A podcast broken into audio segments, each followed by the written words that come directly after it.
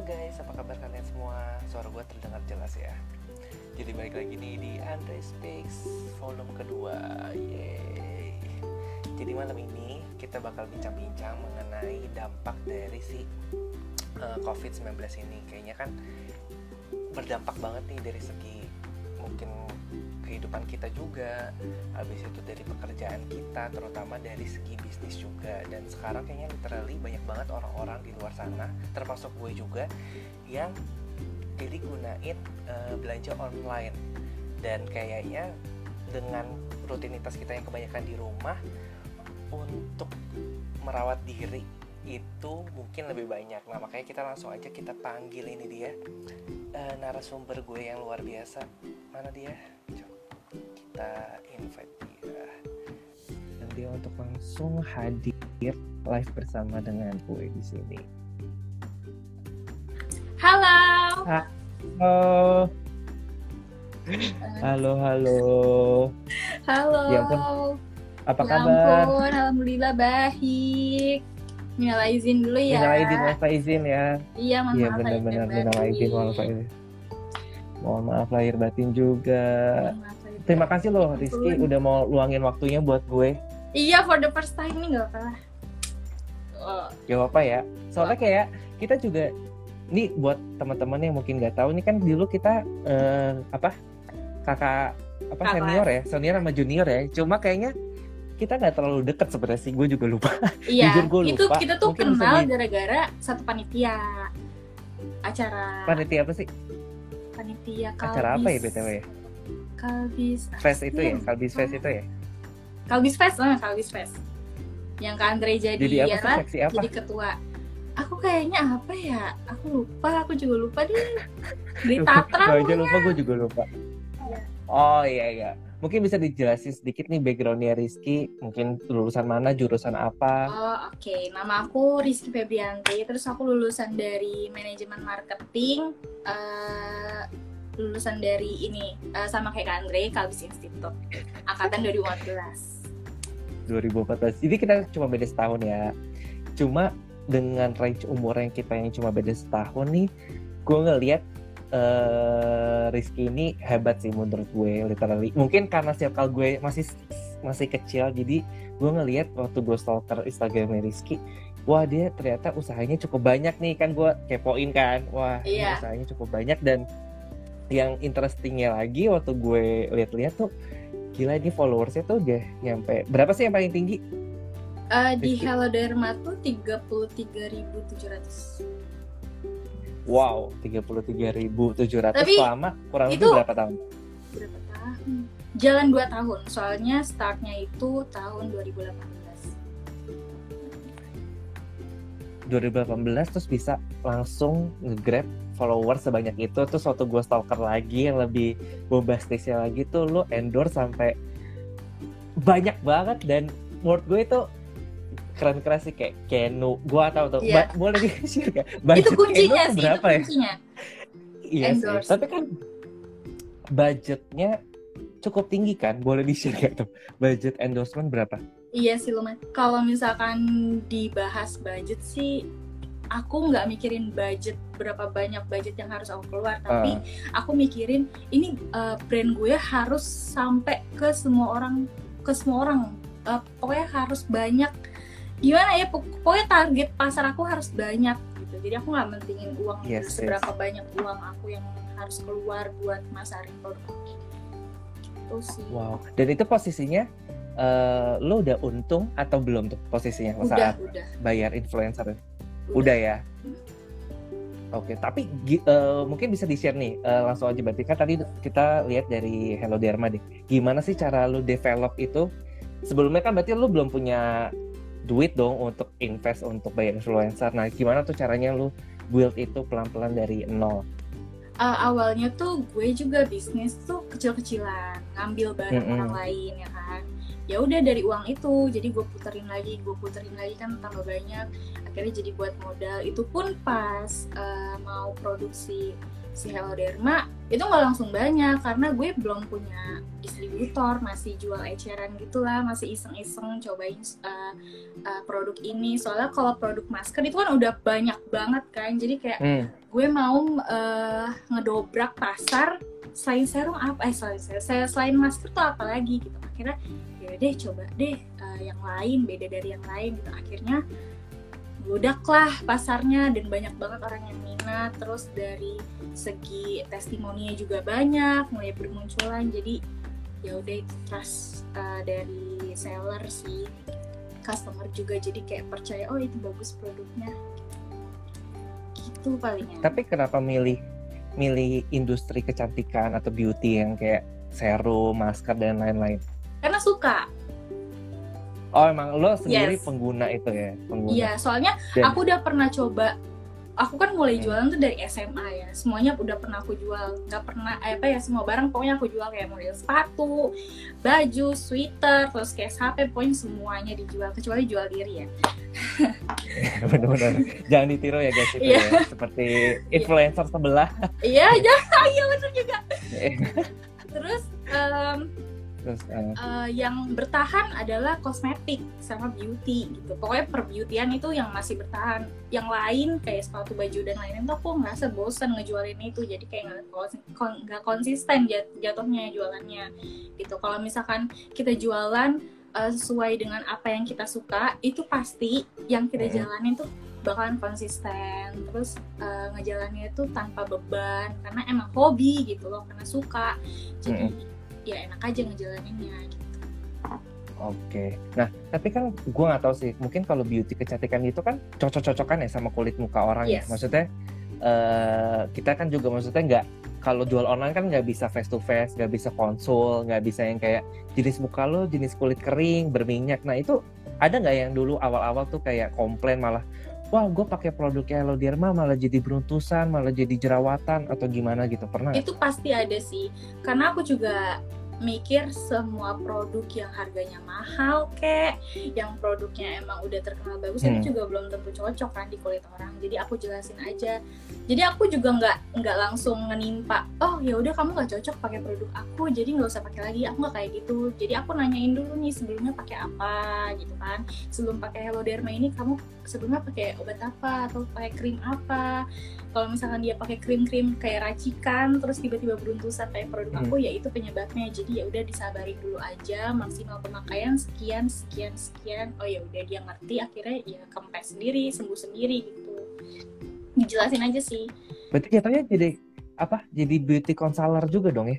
Iya jatuhnya bisa kayak bisa... gitu sih iya, hebat juga loh padahal kita kan bukan ju bukan jurusan kedokteran kecantikan ya iya bukan tapi bisa Iya bisa karena keren, keren, sering keren. baca sering-sering baca terus kalau misalkan ke toko percantikan gitu lihat-lihat uh, ingredients terus ya banyak deh pokoknya yang ilmu-ilmu yang aku tangkep dari perbeautyan itu. Dan tapi untuk Hello Derma sendiri berarti itu racikan kamu sendiri atau kamu enggak ada ngambil dari orang tuh di rebranding? Ada formulator. Formulatornya berarti nah. sendiri tapi aku ya, bisa berarti ini memang Hmm. Aku yang request hmm. beberapa ingredients. Iya berarti maksudnya aku berarti produk ini gak bakal ada di orang lain punya kan atau Enggak, ciplakan dari produk lain. Ya. Oke oke okay, okay. interesting interesting. Nah terus uh, kan sempat lihat juga nih kayak di Instagram nah untuk mengembangkan ini kan kamu gak sendirian ya ternyata kan maksudnya kamu butuh si I don't know namanya distributor atau yes. reseller nah mungkin bisa di share nggak itu perbedaannya apa terus gimana cara kamu untuk build trust ke orang lain terus supaya mereka punya cabang A, B, C, D seluruh Indonesia tuh gimana caranya? Kalau aku sih kemarin tuh eh, perbedaan distributor sama reseller dulu ya. Perbedaannya hmm. distributor hmm. sama reseller tuh pertama dari modal. Modal mereka tuh harus besar ya kalau distributor dibanding reseller karena kuantitasnya juga minimal ordernya tuh beda distributor sama hmm. reseller. Terus pertama kalau kalian mau ambil slot distributor itu uh, make sure ya mereka sudah punya pasar yang kuat gitu. Kecuali dia belum punya pasar tapi mentalnya kuat. Nah itu nggak apa-apa. Tapi kalau misalkan mentalnya belum kuat pasarnya belum ada aku nggak saranin ke distributor. Mendingan ke yang paling kecil dulu reseller belajar kan. Kalau udah dapat pasar pasarnya udah ada.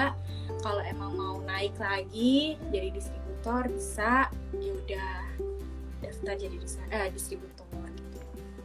terus Nah, untuk terus cara kamu untuk keep in touch ya apa? Untuk manage itu semua kan untuk Ah. manage itu semua gimana maksudnya Iya manage eh, distributor A, B, C, D, E itu gimana caranya supaya tetap connecting sama kamu? Terus apakah itu Oh. mesti report atau enggak kayak gitu? Oh, oh, oh.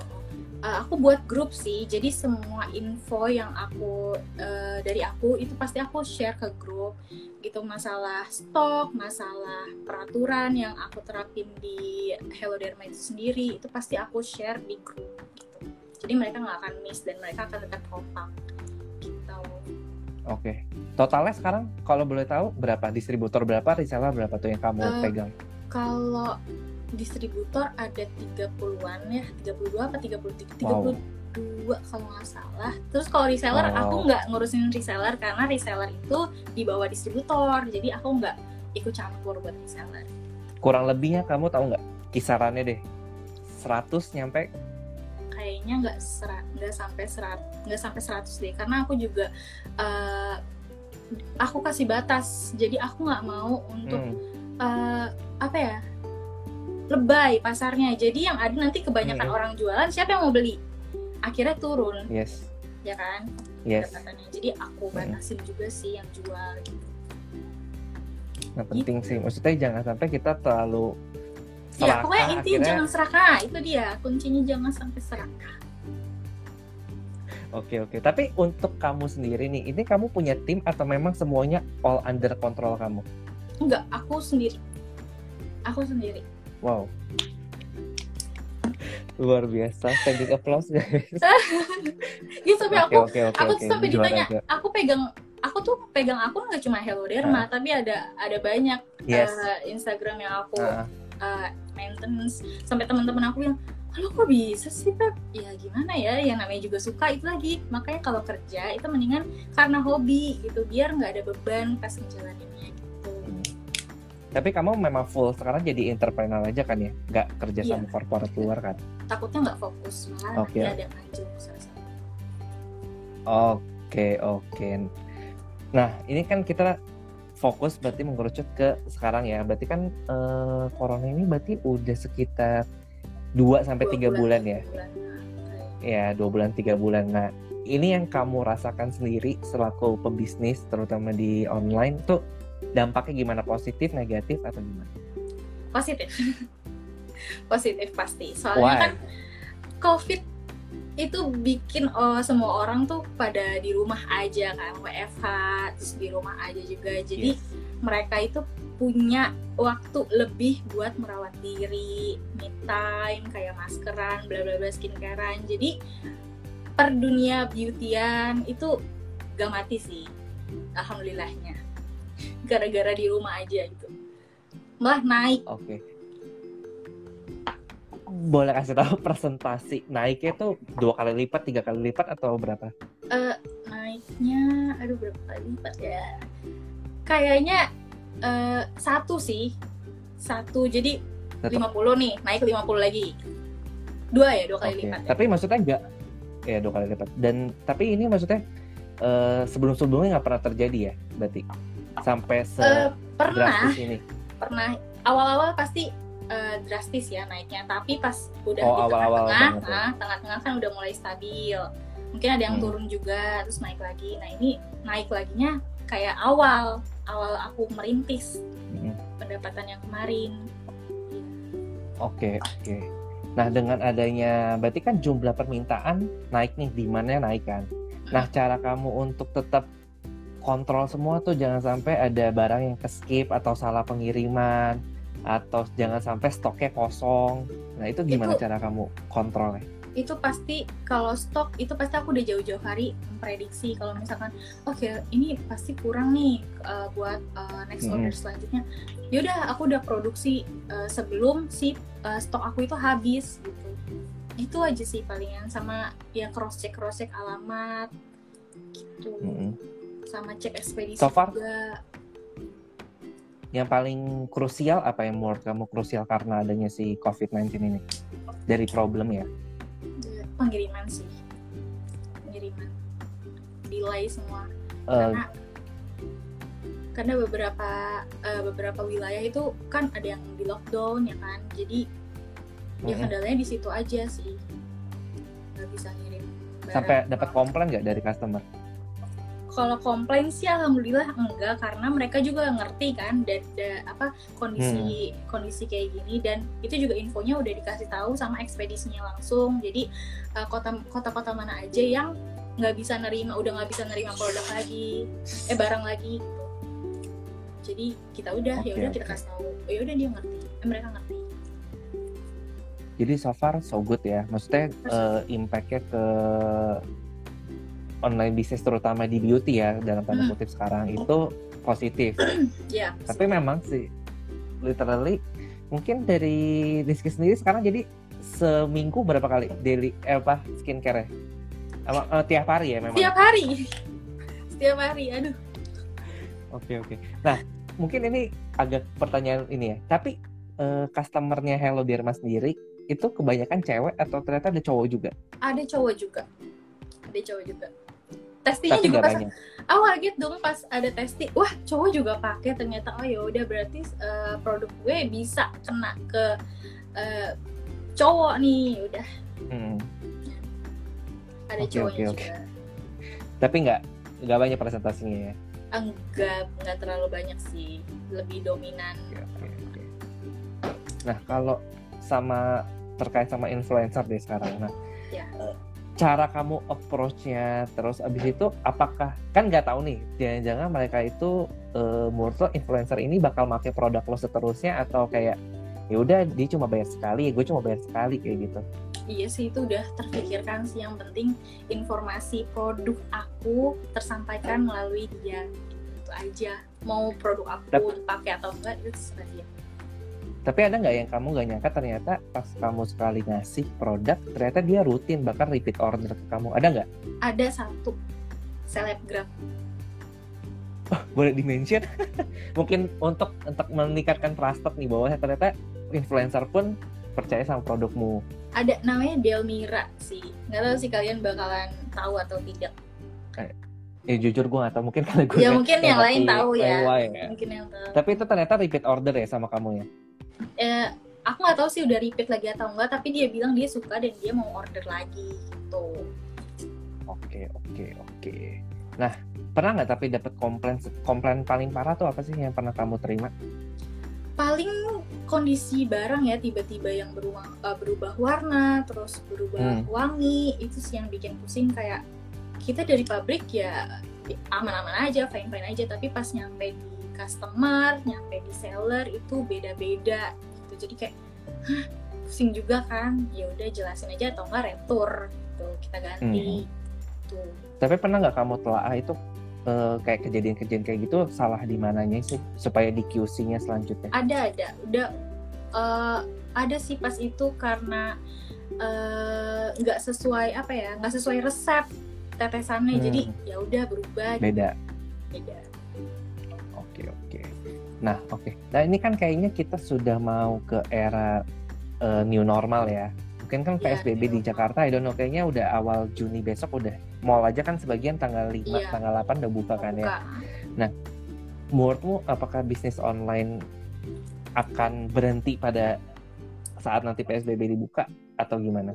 enggak sih menurut aku soalnya sebelum covid datang juga ya orang-orang eh eh, orang-orang juga tahu Hello Derma di online gitu. Jadi mau mau mau covid itu nggak ada atau ada iya iya nggak ada ngaruhnya sih menurut aku. Akan tetap berjalan dengan normal. Surprisingly malah yang gue lihat sih sekarang bahkan yang konvensional yang maksudnya tadinya dia cuma buka toko di mall akhirnya dia beralih ke online. Kalau nggak dia bakal iya mati. mati ya? Iya benar. Mending ke Oke, online. oke. Oke, nah kira-kira eh, produk beauty sendiri apakah akan long term atau orang malah ah gue mendingan beli yang lain deh? dengan Eh. kondisi perekonomian sekarang misalnya? Eh, long termnya itu ya sesuai apa ya aku pede karena harga harga yang aku kasih tuh affordable sih menurut aku nggak nggak merusak Hmm. kantong pelajar juga jadi ya menurut aku long term tapi diselingin sama inovasi-inovasi produk yang eh, bakalan kita launching juga jadi orang tuh nggak yang bosen ah produknya ini lagi ini lagi ini terus gitu. jadi harus ada inovasi produk aku sih kayak gitu kalau misalnya pasar udah jenuh aku pasti ngeluarin sesuatu yang baru dijadiin limited, limited edition Oke oke. Nah sambil kita masuk ke sesi selanjutnya, kalau teman-teman ada yang mau nanya bisa tulis di kolom komentar, bisa nanya-nanya Rizky mungkin gimana Hmm, yang nanya survei dia atau apa. Silakan nanti kita akan coba diskusi bareng atau kita jawab bareng. Nah oke nih. Nah kalau misalnya kita lihat sekarang kan banyak banget yang di PHK ya. Kayak Hmm. maksudnya gue aja nih literally bukan curhat tapi maksudnya kan eh, sekarang aja tuh ada gimana pemotongan gaji, Aha. Iya, pemotongan gaji, dirumahkan, PHK, dipospon kayak gitu-gitu Hmm. kan. Nah, kamu ada tips and trick gak sih yang pingin dikasih supaya eh ya udah kalau lu gak bisa kerja sama orang, lu bisa lo bikin usaha sendiri, bisnis online. Iya, jadi buat kalian nih yang uh, gajinya mungkin dipotong ya beberapa persen, terus atau mungkin di PHK, kalian nggak usah patah Hmm. semangat. Ini COVID kan cuma sementara, kalian juga kan masih muda gitu kan. Uh, kalau misalnya COVID ini berakhir juga kalau misalnya kinerja kamu bagus di kantor kamu, kamu bakalan direkrut lagi atau enggak kalau emang enggak misalkan nggak direkrut lagi, amit-amit, kalian bisa coba-coba online shop. Nah, kalian bisa banget join Uh, kalau untuk belajar join jadi reseller Hello Derma atau uh, reseller apa pun itu bisa kok sesuai budget. Kan sekarang kan gampang ya nyari produk-produk yang emang Hmm. apa namanya uh, mendukung banget buat dijual tuh kan banyak. Udah ada HP gampang banget juga nyarinya ya kan? Jadi gunain HP semaksimal mungkin cari produk-produk yang emang uh, sesuai budget kalian Uh, misalkan modalnya kan kalau misalnya Hello Derma modalnya kan agak pricey ya. Kalian bisa cari model-model produk kayak masker-masker yang murah. Itu kan budgetnya lebih kecil dibanding si serum. Kalian bisa coba dari situ. Atau enggak kalau emang kalian nggak punya duit sama sekali nih nggak usah khawatir kalian bisa jadi dropship. Dropship itu nggak usah pakai modal. Kalian tinggal uh, minta foto katalog produk manfaatnya apa aja tinggal kalian share ke story Instagram. Kalian juga punya WhatsApp kan punya Facebook juga itu pasar loh jangan salah. Kalian iseng-iseng aja upload pasti ada aja yang nanya. Dan harus konsisten juga harus uh, apa ya namanya pantang menyerah lah. Pokoknya jangan sekali post nih gak ada yang minat gak ada yang nanya jangan nyerah pokoknya tetap post terus konsisten pokoknya pasti orang teracuni lama-lama gitu gitu sih aku dulu juga nggak punya modal kan buat jualan jadi aku juga jatuhnya Mm-mm. dropship Uh, Mm-mm. dropship gitu. Ngumpul-ngumpulin modal, akhirnya bikin sendiri. iya gitu dikit-dikit lah jadi bukit Oke, tapi kalau dari pernah nggak sih eh, kompetitor yang menurut kamu nih cukup berat ini? Terus gimana cara kamu untuk tetap gak gua nggak boleh kalah nih sama dia gitu? ada ada pasti ada kompetitor Eh, dulu kan eh, serum tuh belum apa ya belum booming nah terus Mm-mm. pas hadir Hello Derma makin banyak yang ngeluarin serum terus aku perhatiin nih dia tuh eh, apa namanya kelebihannya di mana kekurangannya di mana nah kekurangannya itu nanti dijadiin kelebihan dari produk aku sendiri gitu aku nggak mau sebutin di sini Oke, ya. Berarti analisa SWOT kamu terpakai ya kayaknya ya? iya kayaknya tapi nggak sadar kalau itu SWOT Analisa kan SWOT itu penting loh ternyata. Iya. Oke, SWOT itu spill the tea dong kok. Tuh, spill the tea dong kompetitornya katanya. Apa sih spill the tea? Eh, nggak mau ya gue. Ah ini tuh ada yang malah bilang kak buatin sabun Hello Derma dong. Mana sih kebetulan? Karena aku suka banget nih sama produknya. Oh, nanti Nah, ya, mau soalnya ya guys. uh, nanti ya uh, aku harus cari ingredients yang bagus biar cocok di kalian. Kamu li- apa untuk dapat si distributornya ini atau si yang apa meramunya ini dari mana? aku punya temen terus aku kenal. Jadi memang trusted ya. Terus cara kak ini kan banyak banget nih di luar sana juga yang nanya kalau kosmetik itu apa sih? BPOM ya? Apa? Oh, iya. kalau misalnya untuk izin usaha atau nah itu kamu udah ngurus itu gimana caranya? Susah mudah atau gimana? Susah-susah gampang sih. Suratnya itu yang bikin susah ribet juga terus nunggunya juga lama. Kemarin baru aja vitamin C doang serum aku udah keluar nomor Bepomnya gitu. Nanti lanjut ke saat lagi biar eh, saat lagi serumnya varian yang lainnya nyusul tapi after covid deh. Sekarang terlalu riskan kalau mau naik lagi ke Bepom tapi memang segi, sebegitu pentingnya ya sekarang ya untuk dapetin si Iya. Bepom itu untuk Iya. dapat trust dari orang sih memang. Mm, even formalitas sih. Soalnya banyak juga yang mainin Bepom gitu.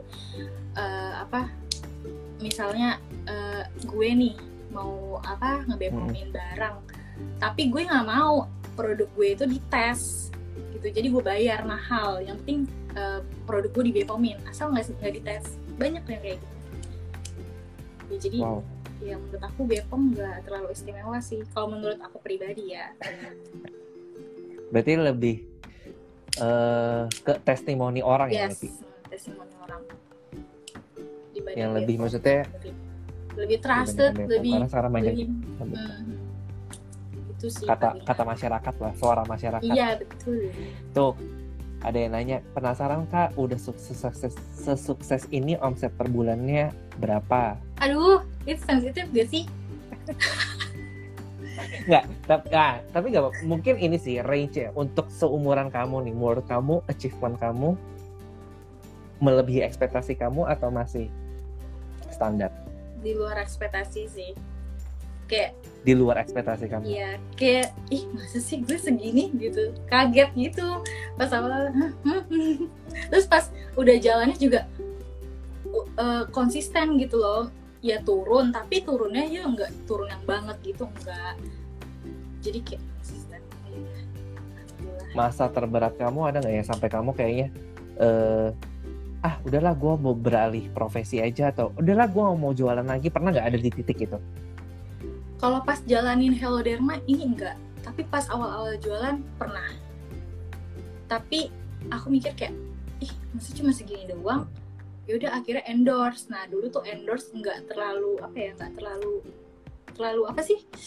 Nggak terlalu booming kayak zaman sekarang gitu. Dulu Ah. tuh endorse tuh jarang Mhm. banget. Ya udah aku pikir ya udahlah endorse aja. Akhirnya banyak banget yang order walaupun bukan produk aku ya, tapi aku dapat pasar dari situ. Eh, artis influencer pertama kali yang kamu endorse untuk Hello Derma ya itu siapa? Kamu masih inget gak? Kalau Derma untuk pertama kali siapa ya ada lupa. Hanu Mega Dan Hanum, itu Hanum. bener-bener langsung boost, enggak juga langsung boost gak? enggak Gak juga. yang penting pasar aja nggak apa sih kalau followers masuk cuma 100 200 nggak apa yang penting mereka lumayan kan sehari nambah sehari Hmm. nambah pasar nambah Mm-mm. it's okay nikmatin aja prosesnya Oke, Mika ada yang nanya, Kak kalau misal uang jualan kita stuck di nominal itu aja, cara mengatasinya gimana?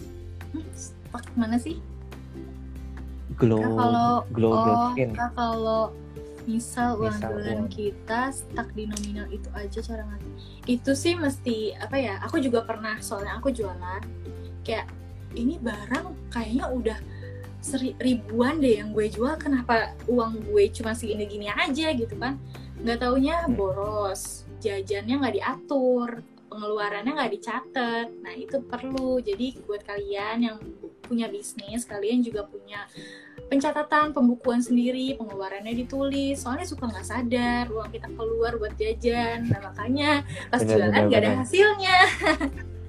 Aku udah pengalaman kayak Eh. gitu. Jadi Harus membuka dua rekening nggak? Antara rekening bisnis sama rekening pribadi kamu? kalau bisa sih Iya, buka dua rekening. Aku juga pakai dua rekening, yang satu buat jajan, yang satu buat bisnis. Tapi kadang tidak terpakai. Oke oke. Iya. Nah nih, cara atasi seller yang ngeluh mulu gimana Kak Feby? ya dijelasin aja, maksudnya gimana ya? Eh, ngeluhnya kayak gimana dulu nih? Kalau Yang misalnya menurut ngeluh, kamu gak make sense apa deh? Ada ada nggak yang menurut kamu, eh ini lucu, lucu juga nih reseller, gak maksudnya laku, komplainnya nggak nggak berbobot gitu? gak laku kak. Gak laku. Padahal baru sekali masarin gak laku kak.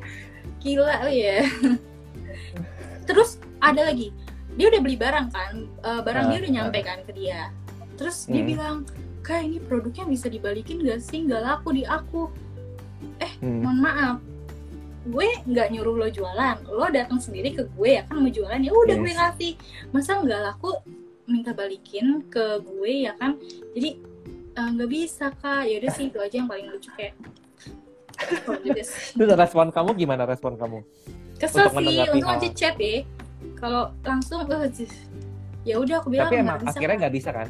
Hmm, nggak bisa. Aku bilang aku jelasin aja. Ya kan aku juga nggak maksa kakak buat uh, jualan. Ini kan uh, kemauan kakak sendiri untuk jualan. Jadi ya itu tanggung jawab kakak gitu loh. Bukan tanggung jawab aku lagi gitu. Kalau misalnya aku disuruh ngajarin oke aku ajarin bisa. Tapi kalau untuk apa barangnya dibalikin aku nggak bisa. Oke lanjut nih. Dari Vika Laili. Kak, kalau buat produk kecantikan baru dan itu belum daftar BPOM sama halalnya, gimana cara meyakinkan orang-orang supaya percaya sama produk kita? dari testi sih dari testi sih sebenarnya kalian bisa banget kasih eh, misalkan kalian ngeluarin masker atau serum atau toner terus kalian eh, bagiin ke teman kalian sendiri terus disuruh honest review gimana hasilnya terus ya udah kita juga bisa harus bisa ngeyakinin orang bahwa produk yang kita buat ini aman terus halal gitu nggak ada bahan-bahan yang gimana-gimana gitu itu aja sih aku juga dulu soalnya kayak Tapi- gitu. Hmm, menurutku tapi memang harusnya si masih terutama ownernya sendiri ya harusnya memakai produk tersebut. Jadi at least Iya. kan orang percaya nih jangan sampai kita jualan tapi kita Jualan. sendiri nggak make. Itu kan lucu ya kadang ya. Hmm, Jadi banget. lo aja sendiri nggak make tapi kalau nyuruh orang lain make gitu kan. iya benar aku sih Nah, terus oke, lanjut nih dari Momo dot 29 kok gitu? Memang Bepom sekarang cuma syarat doang ya. Nah, tuh. Bukan sekarang Emang aja, nih, tapi emang. Dari dulu. dari dulu dari dulu banyak banget. Soalnya aku juga diceritain sama eh, apa yang kakaknya yang kerja di Bepom itu sendiri. Nah kenapa aku tahu ya aku karena dapat info dari eh, itu situ gitu. Nah ini melanjut soal Bepom lagi nih di bawahnya DT underscore lestari 28 ya. Memang kalau misalnya udah kita daftarin Bepom, harganya emang bisa kita markup atau gimana? Iya, soalnya kan Bepom ngurus Bepom kan nggak gratis. Ada bayar adminnya juga, terus ada uh, MOQ-nya juga. Kita harus repurchase dalam beberapa bulan sekali gitu. Jadi aku juga harus ngejar itu gitu. Kenapa? Makanya kenapa harganya naik itu sih salah satunya. Gitu. Jadi memang sudah sewajarnya ya kalau misalnya kita habis urus-urus eh, legalitasnya lah ya, itu pasti kita akan markup sedikit dari harga Iya, eh, sebelumnya. Oke naiknya. nih dari glow.skin cara menginovasi pemasaran buat produk ala kafe gimana? dibuat ah, buat produk baru terus dijadiin limited sih biar orang-orang tuh kayak eh limited nih limited beli ah beli ah beli ah. Terus hidup lagi pasarnya ya kan? Pasti mereka juga nunggu lagi apa lagi nih ah, produk apa lagi nih yang keluar dari Hello Derma gitu. Gitu sih pa- pa- pa- palingan. Oh Oke, terus lanjut nih dari Elva Irzen. Irzen. Kak, gimana caranya promosi yang bisa buat pelanggan tertarik? Tadi sama lah ya. iya bikin pokoknya limited edition. Ah, terus caranya promosi kalian tuh harus sering-sering storyin produk. Mau itu ah ini mah udah pernah gitu kayak bacain manfaatnya apa aja itu kan udah udah pernah kan. Maksudnya diulang-ulang aja nanti pasti terngiang-ngiang sama customer yang belum nyoba atau yang belum di-purchase produk kamu gitu. Produk yang kamu jual. Pokoknya sering-sering story aja. Soalnya aku pribadi ngelihat all shop, aku lebih Hmm. suka ngelihat all shop yang setiap hari tuh aktif story-nya setiap hari tuh ada gitu story yang yang dia update tuh kalau misalkan nggak ada story-nya kayak all shop mati itu siapa juga yang tertarik gitu kan Hmm. jadi ah, berusaha aktif aja aktif dan informatif oke. Nah, dari Agniet nih, dia nanya, kakak jadi reseller berapa lama sebelum punya brand sendiri? Rizky, berapa lama jadi reseller? kalau reseller aku kemarin jadi distributor sih. Aku kemarin tuh jadi distributor dari tahun 2017 iya dari tahun 2017 setahun ya? Setahun mau jalan dua tahun udah deh aku berhenti. Setelah udah kumpul modal berarti itu ya? Iya udah modal mau untuk bikin modal. brand sendiri. Iya benar. Berarti ini nggak ada duit orang tua? Ada nggak untuk ngebantu usaha kamu?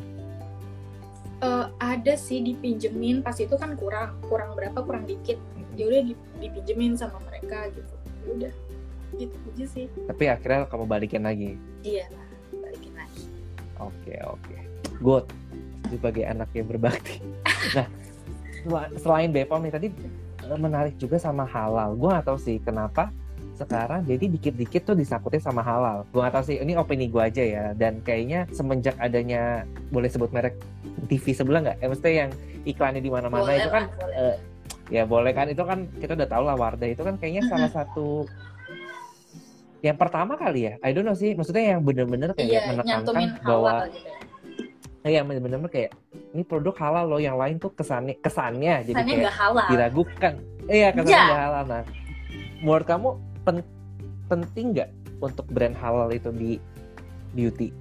kalau aku bisa kalau eh gimana ya kalau aku sendiri eh, yakin produk aku atau bahan-bahan yang aku pakai halal ya udah aku berusaha untuk jujur ke mereka bahwa bahan-bahan yang aku pakai itu halal. Eh, urusan mereka yang nggak percaya halal terus eh, mereka yang harus eh, kalau mau beli produk aku harus ada BPOM itu urusan mereka gitu kan. Jangan salahin aja nanti pas gue bikin halal sama BPOM harga naik gila-gilaan kan. Suka netizen tuh suka ini suka iseng mulutnya ntar udah Yes, di BPOM-in harga naik dia kagak beli cuma nanya doang kak udah BPOM belum Nah, biasa Tapi nggak tahu sih mungkin memang eh, halal ini kalau di Indonesia yang gue lihat karena kan memang mungkin pangsa pasarnya mayoritas kan kita memang eh, kaum muslim kan. Jadi memang kayaknya untuk produk halal itu menurut gue salah satu yang important juga sih. iya sih ha. Karena isu agama kita kan cukup eh, cukup kuat kan di sini. Dan mungkin kalau beli merek-merek luar takutnya mengandung apa-apa ABCD makanya sekarang banyak banget eh, produk-produk lokal lah kayak Hello Derma ini kan. Iya. Doain aja semoga bisa ngurusin halal juga. Amin. Lanjut nih dari Ratnasari Dewi Kak, berarti kalau baru mau jualan tidak disarankan untuk langsung jadi distributor. kalau aku pribadi aku nggak menyarankan. Tapi kalau kalian punya mental baja yang tadi aku bilang mental kalian kuat ya it's okay terserah kamu. Tapi aku tidak menyarankan karena pertama nanti kasihan modalnya jadi distributor kan mahal. Kalau misalnya kalian gak ada pasar kalian mau jualin ke mana ntar modalnya stuck ya kan? Ka- kasihan kalau misalnya itu duit orang tua kamu gitu. Soalnya banyak juga distributor aku yang kayak dia baru baru nyemplung di dunia bisnis terus jadi distributor. Dan udah beberapa bulan akhirnya ngeluh kak barang aku nggak jalan.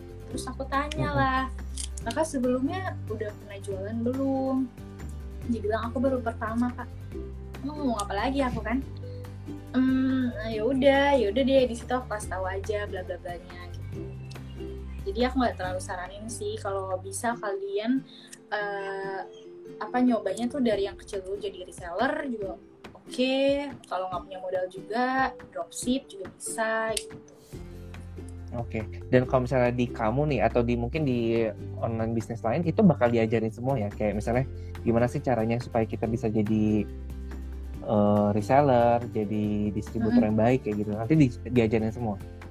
Enggak, paling kalau misalnya ada yang nanya itu bakalan aku jelasin sih. Kalau misalnya ada yang nanya kak gimana ini ini ini, ini itu pasti aku jawab. Gitu. Enggak enggak enggak yang aku ngadain tiba-tiba ngadain sendiri gitu kan. Hmm, song ide banget nanti takutnya. Kira gue nggak butuh. Nah, Kan nih kayak banyaknya nanya nanya omset nih. Tadi kan kita udah bahas ya. Kayak mendingan kita nanya deh kalau misalnya kita mau jadi reseller nih modal paling kecil untuk jadi reseller. Mungkin dari Hello Derma deh. Untuk jadi reseller tuh kita harus punya duit berapa sih? Kalau minimal ordernya si Hello Derma itu kan 5 pieces ya, 5 pieces per produk. Nggak harus semua produk di stokin satu jenis doang misalkan aloe ini udah bawa kan barangnya misalkan ini kalian ini wajib. wajib 5 minimal 5 5 lima lima barang aja itu harganya berapa ya kayak 700 ribuan deh kalau nggak salah ya soalnya nggak hafal nih harga harga reseller pokoknya nggak sampai satu juta sih itu bisa udah udah Berarti bisa jadi sekitar- reseller gitu 500 sampai 1 juta lah ya. iya range. 500 sampai 1 juta. Dan udah bisa jadi reseller ini kan di- dibandingkan nanya omset kamu, nanya omset reseller deh. Oke deh, kan sekarang kayaknya orang Indonesia pada maunya, kak gue maunya pasti-pasti aja, maunya langsung dapat ketahuan nih duitnya berapa. Nah kira-kira dengan gue modalin sejuta, balik modalnya berapa lama dan seberapa besar? Nah, itu nggak bisa diukur karena itu tergantung pemasarannya eh, per individual gitu. Kan ada beberapa seller yang aktif sama yang nggak aktif. Kalau misalnya yang aktif itu pasti kan balik modalnya lebih cepat dong dibanding yang aktif gitu. Jadi aku nggak Hmm. bisa ngasih tahu sih kayak ini balik modalnya berapa lama ya gitu. Dan berapa ya itu aku nggak bisa jawab sih itu tergantung kalian gitu. Kalau dipukul ratakan deh dari track record kamu, Kenapa? yang dari reseller-reseller yang kamu tahu tuh kira-kira berapa lama Eh, rata-ratanya average-nya Hmm, range waktu? berapa ya? Ada yang cuma sehari, dua hari itu udah Wow. habis. Nah, ada yang cetok cuman 10 biji, udah dua minggu nggak bisa habis. Itu ada. Ada yang cuman nyetok, eh, ada yang nyetok 50 pieces sehari dua hari itu habis ada. Itu semua ada beragam pokoknya. Itu tergantung cara pemasaran kalian aja. Gitu. Oke, oke, oke. Tuh, udah dibelain tuh, jangan tanya omset guys, sama aja kayak nanya gaji, Sensitif. sensitif. Nah, nih hair dari Herli Herli Herliana. Kak, pernah nggak rugi karena banyak endorse? Ternyata nggak sejalan sama keuntungannya. sama oh sama. Alhamdulillah enggak sih soalnya aku juga nge-endorse juga terukur gitu misalkan aku uh, punya omset pendapatan aku bulan ini segini terus aku punya planning buat nge-endorse, nge-endorse siapa aja jadi nggak asal nge-endorse endorse endorse habis tiba-tiba Mhm. kan modalnya enggak nggak kayak gitu pokoknya terukur semuanya harus terukur. Oke. kan endorse juga Nah, sama aja pengeluaran itu kamu yang ngurusin berarti ya untuk endorsement itu? iya endorse aku endorse aku Oh, luar biasa. Terus Tapi kalau Eh, untuk keuangan itu bukan aku. kalau ngurusin keuangan bukan Oke. aku. Oke oke. Nah kita aku ambil contoh dari Kenu lah. Itu waktu kamu endorse dia naik berapa tuh? Wah lumayan ya lima ribu kalau nggak salah. Menurut kamu itu eh, maksudnya sesuai nggak? Tadi kan pertanyaannya sesuai nggak sama yang kamu keluarin sama yang kamu dapat? Kalau aku sih nggak ngerasain ya. Soalnya kan aku eh, jual produknya nggak jual ecer, ya kan? Aku harus Yes. distributorin ke distributor. Jadi yang ngerasain eh, impactnya itu Impact-nya. distributor, ya kan? Lumayan sih, lumayan lumayan ngefek, lumayan ngefek. Aku nggak expect ke situ soalnya eh, sama Keanu, soalnya dia baru kan, baru. Yes. Ah, aku tahu karena dia orangnya lucu, terus aku juga wah berpotensi nih. Oh ya udah, eh ternyata banyak juga yang follow gitu. Ya udah deh. Ada nggak yang selebgram malah yang DM kamu duluan? Ada. Nggak ada so far ya. Ah, so Alhamdulillah. ada. Soalnya kan kalau ini kan kadang ada beberapa yang kalau mungkin brandnya udah lebih besar mungkin jangan-jangan dia yang minta lu endorse gue dong atau gue mau dong minta produk lo gratis gitu. Selebgram atau eh, selebgram yang terkenal atau selebgram selebgraman? ya whatever you call lah ada nggak Oh. ya mungkin jangan-jangan ada kali ya yang seleb selebgraman berarti ya Itu banyak. Dan aku banyak nggak, banget nah, dan aku diemin sih, aku nggak pernah bales. Karena males. why? Why? Kenapa? Siapa tahu bisa menguntungkan. Hmm, eh, kalau misalkan emang menguntungkan itu pasti sebelumnya aku cek dulu IG-nya kayak gimana sih? Oh enggak. Oh enggak. Itu ya udah aku enggak. Aku abaikan gitu. Tapi kalau misalkan emang eh, apa menjanjikan ya pasti aku hubungin dia gitu. Kayak oh yaudah aku kasih ya barang ini ke kakak. Nanti kakak review bla bla bla gitu. Periksa dulu sih eh, profilnya apa terus menarik atau enggak gitu. Oke. Ini ada pertanyaan lagi nih, Kak Feb, kalau nambah brand masker terus menerus bagus gak sih? Padahal baru pemula. enggak sih siapa sih Glow Skin. Kalau skin cafe kalau Cafe nambah kalau- brand terus menerus bagus gak sih padahal baru pemula ya bagus atau enggak itu tergantung kalian sih bisa menjelaskan atau enggak ke customer. Soalnya kan fungsi dari si masker itu sama aja gitu kan. Kayak buat brightening buat acne gitu. Ya udah kalian tinggal jelasin aja keunggulan masing-masing setiap brand setiap produk uh, tersebut gitu. Oke oke. Nah ini uh, uh, mungkin gue juga mau nanya sih uh, distributor atau reseller itu mereka cara ngejualinnya lewat lini apa aja? Shopee sama Instagram sih itu doang. Mostly ya kebanyakan ya? Hmm, Shopee dan menurut lo uh, oke okay lah uh, kita fokus ke kayak Lazada Tokped Shopee. Itu menurut lo seberapa besar sih impactnya sama uh, suatu produk? Karena atau cukup di, dari Instagram aja deh gitu. uh, Shopee juga sih karena kan Shopee itu ada beberapa distributor atau seller aku yang star seller di mana kalau star seller itu dia tuh munculnya tuh paling depan gitu. Jadi ya ke impact juga ke produk aku gitu kan. Ya paling itu sih keuntungannya. Terus juga jadi banyak yang lihat pasar aku juga makin banyak karena uh, ya kan per kota kan distributor aku. Jadi ya tersebarnya meluas banget gitu. Pasarnya juga lebih Dan, banyak okay, okay. jadi menurutku kalau misalnya ada beberapa orang kan yang bilang kak tapi temen ah, ini mungkin gue suka ngalamin itu juga sih sebagai maksudnya yang kita mau bikin usaha baru pasti kan kayak ngerasa kak tapi temen gue tuh itu itu aja circle gue tuh ini ini aja ya kalau gue misalnya posting uh, produk ini yang lihat ya itu itu aja gitu loh dan ternyata teman-teman gue eh, nggak uh, nggak mau pakai produk itu gitu mungkin hmm. dengan adanya si Shopee itu ya Shopee hmm. uh, Lazada Tokped dan lain-lain ya. platform-platform lain itu bisa. At least uh, produk kita bisa ngegrab pangsa ya. luar lah. Bisa bisa. Iseng aja nah juga. Nah yang baru awal-awal jualan juga iseng-iseng aja bikin Shopee terus upload uh, barang yang kalian jual itu pasti ada aja yang nyangkut. Serius. Pasti ada aja yang nyangkut ada yang beli gitu. Maksudnya ada yang nanya yang nanya aja udah syukur alhamdulillah kan. Kita jelasin aja. Okay. gitu sih. Kitanya juga harus aktif sebagai seller. Gitu. Oke okay. pernah miskom nggak sama distributor atau reseller ribut gitu kayak ribut terus ya sampai-sampai udahlah gue nggak mau jadi distributor lagi gue keluar gitu. Oh kalau itu uh, kalau itu nggak ada sih kalau itu nggak ada. Miskomnya paling di pengiriman. Kayak misalkan aku udah bilang udah dikirim. Terus uh, pada minta resi. Ternyata resinya nggak ada di email. Ternyata belum dikirim solid gitu aja sih miskomnya oke oke oke oke.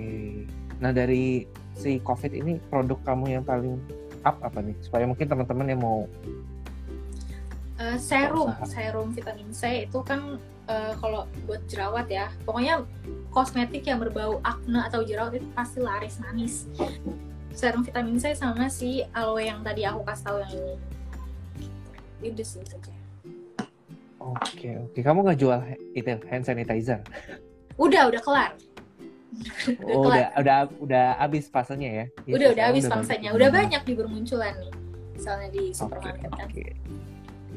Alright, nah ini kita waktunya kayak kurang lebih tinggal 10 menit lagi. Kalau iya, ada yang mau nanya lagi ya, guys. Mau nanya-nanya. Tadi pertanyaannya masa mau kamu jawab nih? Pertanyaannya ada uh, gudang Hello Derma di mana kak? Gudang produksi Hello Derma di mana kak? Ada di Tangerang dan di Bogor. Nah itu berapa kali frekuensi kamu visit sering nggak? Visit aku nggak pernah, tapi kalau di Bogor pernah. Cuman kalau yang di Tangerang belum karena uh, vitamin C aku yang Bepom ini kan dari Tangerang, jadi aku belum ini belum pernah visit ke sana. Tapi mungkin someday kali ya bakalan visit ke sana. Harus lihat-lihat juga. Yes, betul. Kak, judul skripsinya waktu kuliah apa? Ih, gue lupa sih. lu jangan ngadi-ngadi kreatif aja jangan ada ngadi cara cara bikin mental kuat sebagai seller gimana? Cara bikin mental kuat. Gimana ya caranya? Kayak kuat karena udah terbiasa mungkin ya ngeladenin uh, seller-seller yang kebanyakan ngeluh, kebanyakan komplain. Jadi lama-lama ah dia lagi dia lagi. Udah kayak udah biasa aja gitu. Ya udah santai aja. Uh, jangan di jangan dibikin pusing tapi dikasih uh, apa ngasih solusi. Harus apa harus apa gitu nggak usah dipikirin nanti malah jadi gede sendiri oke nah kira-kira selain dari beauty nih yang kira-kira menurut kamu yang juga potensial untuk ke depannya di online bisnis itu seperti apa? Kenapa kenapa? Selain beauty industry ya maksudnya oh, aku ya. kira-kira produk lain nih yang akan juga tetap laku di online tuh apa? Aku lagi buat ini sih sama teman-teman aku buat celana celana kulot. Hmm. Tapi mau coba aja sih, entah entar uh, long long term atau enggak, ya intinya dicoba aja dulu. Soalnya kalau misalkan mikir uh, ini bakalan lama gak ya lakunya gitu, hmm. itu nggak nggak bakalan gerak-gerak gak bakalan gerak-gerak akhirnya nggak jadi nggak jadi jualan ya kan mending yaudah jalanin dulu aja terus apa aja yang kurang terus apa aja yang perlu di uh, apa dibagusin lagi ya udah. Maksudnya seiring berjalannya waktu aja gitu kita belajar dari proses. Wah, gue suka banget nih sama gayanya Rizky. Keren keren. Mantap. Iya maksudnya I think that's a good point sih. Maksudnya karena ada beberapa orang tuh yang takut untuk melangkah menurut gue. Itu kayak yes. uh, mikirnya tuh udah complicated. iya. Yes takut betul. rugi Jadi, ya, takut nggak laku gitu pertimbangan-pertimbangan itu yang ngebuat kita jadinya gak gerak dan yes, tetap aja di situ-situ aja gitu stuck at the moment gitu kan kalau punya pikiran kayak gitu terus ya gak akan maju sih jadi kita harus bener-bener bisa keluar dari zona nyaman kita gitu. kalau emang kita mau maju gitu. nah nih kak uh, mending bisnis sendiri apa bisnis sama teman-teman kalau baru nyoba? Bisnis sendiri. Why? Karena aku udah pernah SMA, itu aku udah uh, kan udah mulai jualan, aku udah hmm. guide ini apa partner bisnis dan itu udah nggak nggak berjalan lancar. Aku udah beberapa kali ganti partner bisnis karena tidak sevisi misi sih. Kayak papaku juga udah wanti-wanti kan, hati-hati kalau bisnis sama temen soalnya ini kan masalah uang sensitif kan kalau misalkan ada salah satu yang nakal ya udah bubar tuh bisnis gitu. Jadi lebih baik sendiri aja dulu. Atau enggak ya udah minta orang tua bantuin gitu. Jangan ke orang lain. Gitu oke. Nih Herlina dan Herliana lagi. Kak cara interaksi dengan customer contohnya kayak buat vote DLL gitu.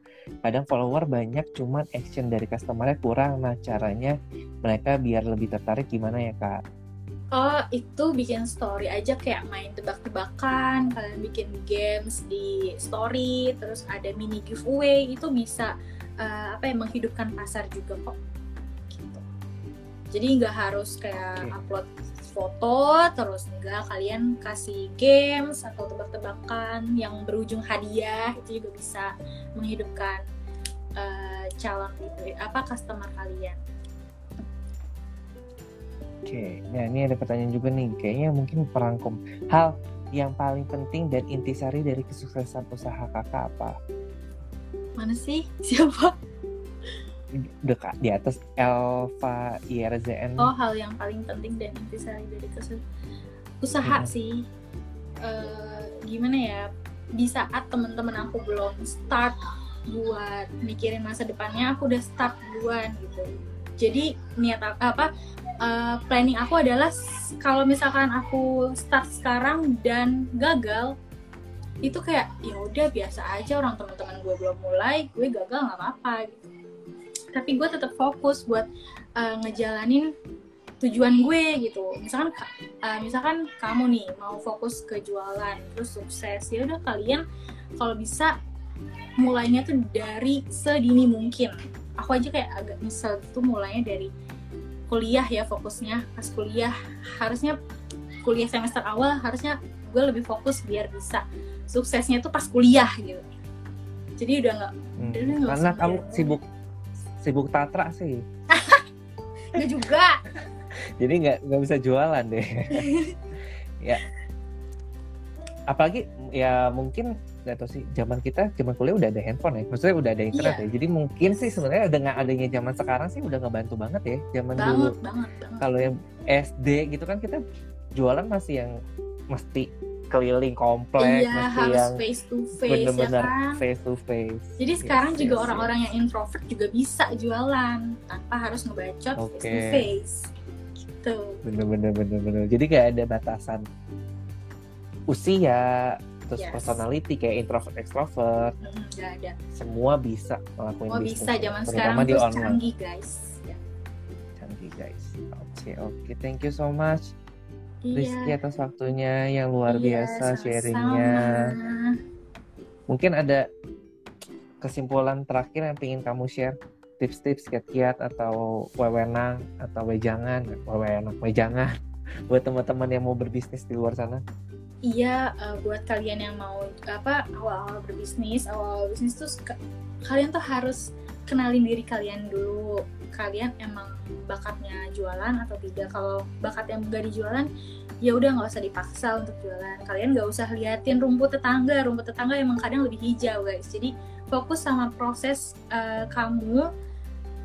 Pasti pasti kamu tahu deh apa yang harus kalian lakuin kalau kamu tahu ya proses perjalanan kamu. Tapi kalau kamu fokusnya sama orang lain yang usahanya lebih maju gitu-gitu, kalian aku yakin kalian bakal stuck stuck di situ aja.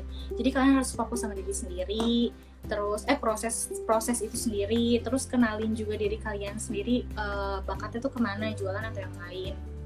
Terus kalau emang kalian jualan ya udah nikmatin prosesnya dari nol. Jangan pernah lihat punya orang lain. Terus jangan pantang menyerah juga. Terus apa lagi ya? Hmm, udah sih itu aja. Konsisten juga, eh, mental baja juga. Gitu. Oke, luar biasa Feby. Semoga? semangat Feby. Semoga head makin jaya, HD makin jaya. Oh. Banyak ternyata nih kayaknya dari tadi banyak ini ya fans-fansnya. Feby nih.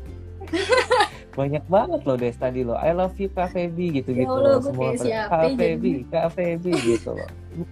Memotivasi loh. Siapa tahu Iya. nanti bisa bisa. diundang sama TV-TV lain Aduh, atau youtuber lain diganti jadi kolaps lo undang Keno nanti Keno undang lo di YouTube channelnya dia gitu Oh loh my god, kayaknya enggak deh. sama-sama Bekasi kan eh Rizky di mana Iya iya sama-sama Bekasi ya. sama-sama Bekasi kan Iya tapi akhirnya dia nggak akan dilirik juga nih.